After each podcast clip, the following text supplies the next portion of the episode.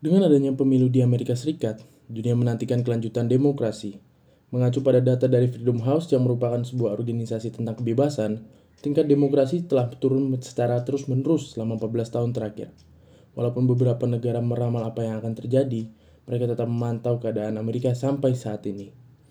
Gerard Roth, mantan duta besar Prancis di Amerika, melakukan tweet bahwa jika Biden menang, pemilu ini tidak terlalu buruk bagi Trump setelah berbagai skandal dan polemik, setelah pandemi COVID, setelah kematian George Floyd dan kekacauannya, dan setelah banyak media yang melawannya, hal ini tidak terlalu buruk bagi Trump.